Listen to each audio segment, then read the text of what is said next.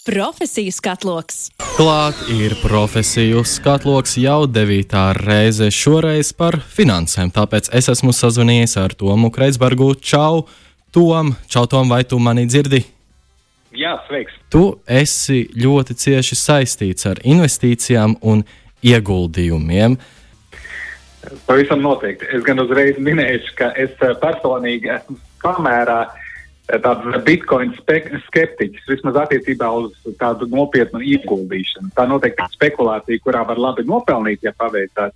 Tā nav tā kā, nu, tas, ko es uh, sauktu par nopietnu ilgtermiņa ieguldīšanu. Tad varbūt ātri, lai mēs uh, būtu uz viena viļņa, kas īsti ir investīcijas un kas ir ieguldījumi? Uh, ja mēs skatāmies tā patiešām pēc būtības, kāpēc cilvēki iegulda naudu, tur ir divi iemesli. Viens ir tas, ka visu laiku inflācija apēda tavas naudas vērtību. Piemēram, tev liekas, tas nav nekas traks, kas šobrīd saldējums maksā eiro, nākamgad eiro un 3 centus. Bet paies 30 gadi, katru gadu cenas bišķīt kāpjas, un tā nauda, kas tev stāv kontā, jau zaudē pusi no savas vērtības. Tāpēc cilvēki grib ieguldīt, lai aizsargātu no inflācijas, un, protams, var papildus nopelnīt, lai nauda pavairot vērtību. Un, ja tu gribi laika gaitā, piemēram, 10, 20, 30 gadu laikā, lai tavu naudas vērtība aug, tev ir jāizvēlas tāda atbildīga ilgtermiņa ieguldījuma, kur apakšā ir kaut kāds tiksim, reāls biznesa, reāls cilvēka darbs.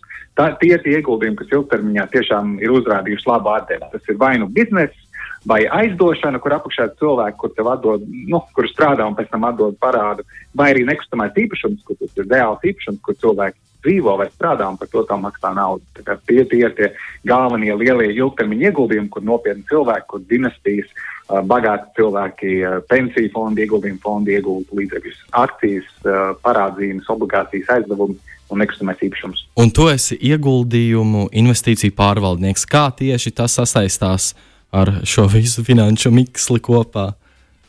Jā, un tad, ja mēs skatāmies uz ieguldīšanu, tad, protams, ir darāms daudzos dažādos veidos. Viens ir protams, varbūt nu, ne tik mazāk aktuāli Latvijā, ir, ka vienkārši bagāts cilvēks iegulda savus līdzekļus. Otrs ir, ka vienkārši privāta persona, nu, kas arī Latvijā kļūst aizvien populārāk, tev parādās kontā, piemēram, tu pirmie daži 5, 10, varbūt 20 tūkstoši, un tu gribi jau sākt ieguldīt. Un tad, nu, tu vēl neesi tik bagāts, lai maksātu lielam ekspertam. Tev jāsāk pašam apgūt, kā piemēram tā saucamiem indeksu fondiem ieguldīt pasaules tirgos. Tas ir kaut kas, par ko es, piemēram, daudz savā blogā rakstu. Ja kādam interesē, kā to izdarīt, un par brīvu var pamācīties blogā tomskaidrs.lv. Bet tad ir arī eh, tie, kas to dara profesionāli, arī Latvijā, kā savu darbu, ir līdzekļu pārvaldīšana. Un tas ir cilvēks, kurš strādā vai nu bankā vai pensiju fondā, līdzekļu pārvaldīšanas, aktīvu pārvaldīšanas uzņēmumā, un viņš rūpējas par to, lai klientu nauda tiktu prasmīgi, veiksmīgi ieguldīta. Sanāk, klients uztic pārvaldniekam savu naudu, lai tā tiktu likta lietā, tā lai netiktu pieļauts kļūdas. Tas izaicinājums ir tāds, ka, ja tu pats gribi ieguldīt, pirmkārt, tas prasa diezgan daudz laiku, un, un otrkārt, tur rodas diezgan daudz dažādas izmaksas. Un, lai gan es daudz strādāju, lai palīdzētu cilvēkiem pašiem to izdarīt, vidējais cilvēks, kuram finanses tik ļoti neuzrunā, viņš bieži izvēlēsies, izvēlēties, uh, uz, uzticēt to naudu kādam, piemēram, ieguldījumu fondam, kur uh, vairāk daudz ieguldītāji saliek naudu vienā katlā un tad uzticas pārvaldītājiem, kurš to pārvalda. Vai... Tas, protams, ir savi riski. Klasiskākais ir tas, ka tie fondi mēdz būt dārgi un ir ļoti uzmanīgi jās, jāsako, lai tu nepārmaksā par to pakalpojumu. Bet tas tādam, nu, cilvēkam, kurš pats ieguldīšanā neorientējas, bieži ir labākais risinājums. Vai tas ir tas pats, kas notiek Wall Streetā? Wall Street, es pats četrus gadus strādāju Wall Streetā. Wall Street ir plaša, pla, plaša nozara, kur dara ļoti Karnevals. daudz ko. Bet, bet viena no lietām jā, ir šī līdzekļu pārvaldīšana. Mans personīgais stāsts, par ko es aizraujos, ko es jau gadiem ilgi cilvēkiem stāstu, ir par to, ka visā pasaulē pašai, pašreiz ir kustība pret dārgajiem Street fondiem, pret dārgajiem banķieru fondiem, kas ir nu, ar lielu komisiju maksā šiem gudriem Street vai Latvijas banku ekspertiem, kurš tur baigi gudri ieguldīs. Un visa pasaule virzās uz tādiem saucamiem uh, indeksu fondiem un pasīvo līdzekļu pārvaldīšanu. Tagad ir pieejami tādi moderni rīki parastam ieguldītājiem, kur to ar zemām izmaksām var pat aizno piekļūt globāliem tirgiem, un šie indeksa fondi sadala tev ieguldījumu, piemēram, uzreiz par tūkstošiem uh, uzņēmumu visā pasaulē bez šiem dārgiem starpniekiem. Tā kā, nu, tas ir tas, uz ko virzās pasaule vairāk šobrīd. cilvēks uztic to naudu, kā norit ikdiena, kas notiek tālāk. Ja runājam tieši par šo profesiju, ja, ja tu esi līdzekļu pārvaldītājs, tur ir uh, vairāki līmeņi. Pirmais ir strateģiskais, to parasti dara varbūt pieredzējušāki pārvald, pārvaldnieki. Tas ir, uh, tad tev ir vispār vispirms jāsaprot, okay, ar kādiem mērķiem tiek ieguldīts, ar kādiem, ko, mē, ko mēs klientiem piedāvāsim, vai tas ir ilgtermiņā aktīvu um, naudas kā, peļņas radīšana, vai tas ir uh, līdzekļu aizsargāšana. Attiecīgi, kā mēs izstrādāsim konkrēto, piemēram, ieguldījumu fondu vai pensiju, pensiju plānu. Tas ir, kur tas ieguldīs, vai tas ir akcijas vai parādzīmes, uh, ar kādu risku, kādos reģionos. Visas šīs lietas ir jāizlemj. Pēc tam tas tiek saskaņots uh, prospektā, kas ir tāds juridisks dokuments, kas uzliek saistošus pienākumus, kur konkrētais pensiju plāns vai ieguldījuma fonds drīkst ieguldīt.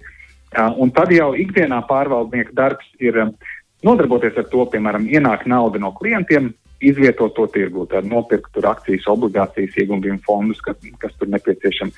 Uh, pienāk pieprasījums, ka klienti grib naudu atpakaļ, tev varbūt ir kaut kas jāpārdod, lai izvilktu naudu ārā un atdot klientiem. Jāpieskata, lai viss paliek vienmēr līdzsvarā, lai riska robežas ir ievērotas. Uh, nu, diezgan daudz tādas praktiskas, um, praktiskas darbības. Daudz ar Excel arī jāstrādā. Google uh, Sheets arī laba vieta vai tomēr Excels? Nē, Google Sheets nav, nav, nav tam līdz galam piemērots. Jo, diemžēl, jāsaka, jā, man jau patīk tas, cik tas ir ērti, bet nu, tā, tādam nopietnākam darbam vēl diezgan daudz neērtību. Kur ir jāmācās, lai kļūtu par pārvaldnieku? Nu, pie, pieeja šeit var būt dažādas, un, un pasaulē ir dažāda jā, attieksme par to, kādai precīzi jābūt izglītībai. Jā, man personīgi ir grāts fizikā, Un es mācījos praktiskā veidā, ka es nonācu bankā un tur man intensīvi apmācīja, un daudz gadu laikā arī tas prasmes tu iegūsti. Um, taču tas varbūt nav, protams, ja tu jau no bērnības zini, ka tu gribi būt, strādāt ar naudu, protams, varbūt tu neies mācīties fiziku, tu vari iet mācīties finanses ekonomiku.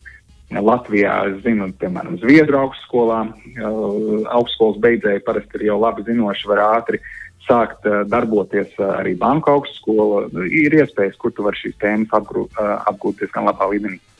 Kas ir vispozitīvākais, visforšākais tavā profesijā? Kaut kas, kas tev liek katru dienu doties uz priekšu ar pilnu atdevi? Es, es domāju, tā ir tā apziņa, cik mums Latvijā ir liels potenciāls, cik liels potenciāls vēl ir šajā ieguldīšanas lauciņā. Jo es pats šobrīd, piemēram, tieši aktīvi no, nodarbojos ar šo cilvēku izglītošanu, lai palīdzētu sākt ieguldīt. Realitāte ir tāda, ka mūsu Latvijā ekonomika tomēr strauji attīstās. Protams, mēs vēl esam Eiropai aizmugurē, bet ekonomika attīstās, cilvēkiem rodas lielāka naudas līdzekļi. Mēs paskatāmies uz statistiku, ļoti daudz jau brīvās naudas cilvēki tur vienkārši tur bankas kontā neko ar to nedara. Un samērā maz izmanto šīs ieguldīšanas iespējas. Un tas man rada tādu entuziasmu, ka, ja ASV šīs lietas jau sen zināmas un populāras, tad Latvijā apgūstot, kā ieguldīt un kā šie principi strādā, mēs varam kā, kā tāda sabiedrība sākt uh, vairāk pelnīt, sākt likt savai naudai pelnīt. Lai tā nav, ka mēs esam tā kaut kāda pasaules province, kur visa pasaule ir kapitālisti, kas pelna no biznesa, un mēs esam vienkārši tie, kas strādā darbā, bet nu, mums, mums nav peļņa no kapitāla. Es domāju, ka mēs tieši nu, mums ir potenciāls to situāciju mainīt tuvākajos gados. Un kontrastam, kas ir visizaicinošākais? Es, es, es gribētu minēt, ka tavs darbs varētu būt ļoti stresains, vai tā ir, vai tā ir visizaicinošākā lieta? Ir diezgan daudz, protams, stresa. Tīri tieši tajā pašā pārvaldi, pārvaldnieka darbā. Tā, protams, ir liela atbildība. Ja tu strādā ar portfeli, kas ir vairāk simt miljonu eiro vai pat miljardus eiro, uh, Um, tad tas, uh, protams, ka tu jūti milzīgu atbildību pret, uh, pret klientiem, pret ieguldītājiem. Tev ir jāievēro ļoti daudz dažādu likumu, noteikumu. Nāk uh, finanšu kapitāla tirgus komisijas pārbaudes. Nu, visas šīs lietas, viņas, protams, ir stresainas. Man personīgi, kas varbūt ir tas izaicinošākais, ir, uh, ir um, otra puse tai monētai par to, cik mums ir liels potenciāls. Tad, ka Latvijā ir diezgan zems zināšanu līmenis par ieguldīšanu, un attiecīgi ir arī ļoti zema izpratne par riskiem. Un attiecīgi katru reizi, kad tirgo ir kāds kritums un rodas zaudējumi, kas ir pilnīgi dabīgi, kas jebkuram pasaules labākajam ieguldītājam reiz pa reizē periodiski ir zaudējumi periodi, jo tirgi viņi neiet tikai augšā, viņi krīt. Bet, ja tu nezini šīs lietas, kā daudz cilvēku Latvijā, tad rodas liels stress un dažreiz varbūt pārmetumi un jautājumi. Un ko te jūs manu naudu pazaudējat, kāpēc tas iekritumi? Un tas ir, tas ir pilnīgi dabīgi, jo, jo cilvēks skatās, viņš redz zaudējumus, viņš nesaprot, ko tu tur strādā, ko tu tur ieguldi, kad ir šāds rezultāts.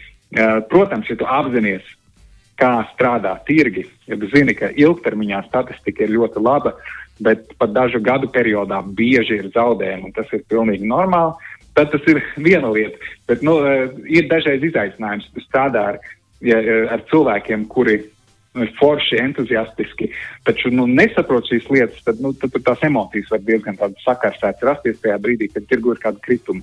Un tieši tāpēc ir svarīgi aizvien vairāk izglītot, jo tikai tad, kad mēs iemācīsimies pieņemt to, ka tirgus ir svārstīgs, mēs arī varēsim labi ilgtermiņā pelnīt.